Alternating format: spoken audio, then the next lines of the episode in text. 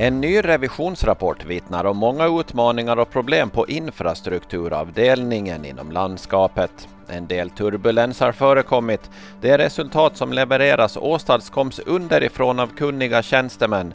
Bedömningen är att ledningen av avdelningen inte fungerar som man har rätt att förvänta sig, skriver landskapsrevisor Dan Bergman i rapporten. Infrastrukturminister Christian Wikström säger att de tar till sig rapporten och ska besvara den.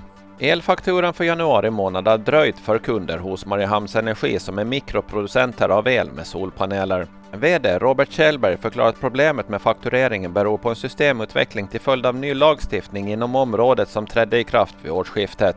Mikroproducenternas fakturor har skickats ut denna vecka. Flera potentiella köpare har varit intresserade av Birka Stockholm under den senaste tiden. VD Björn Blomqvist säger att intresset varit rekordstort. Bara i februari har vi haft fyra olika spekulanter som tittat på fartyget, så det rör på sig, säger han.